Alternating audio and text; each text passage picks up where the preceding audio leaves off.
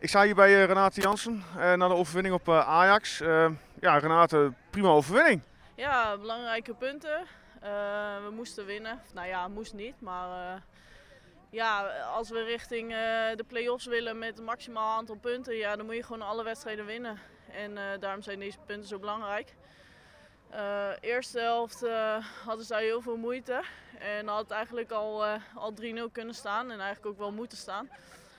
Maar nog net misten we die scherpte en dat was wel jammer. En de tweede helft zie je gewoon dat zij op een gegeven moment gaan drukken. Uiteindelijk beter, beter in hun spel komen en dan is het nog even lastig. Ook al creëren wij af en toe wel eens een, een kans.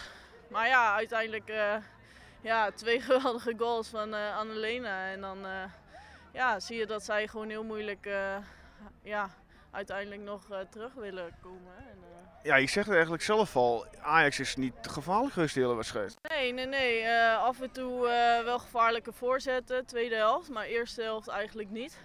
En dat is gewoon jammer dat je het eigenlijk eerste helft niet al, ja, niet, niet eigenlijk al, al de 3-0 maakt. En niet, ja, dat je het eigenlijk al dichtgooit. En nu op naar vrijdag, PSV uit? Ja, de, de finale. Uh, ja, 4-2 hier gewonnen. Je weet dat het uit altijd lastig is. Maar goed, ja, we willen winnen. Dus we gaan kosten wat het kost uh, voor die cup.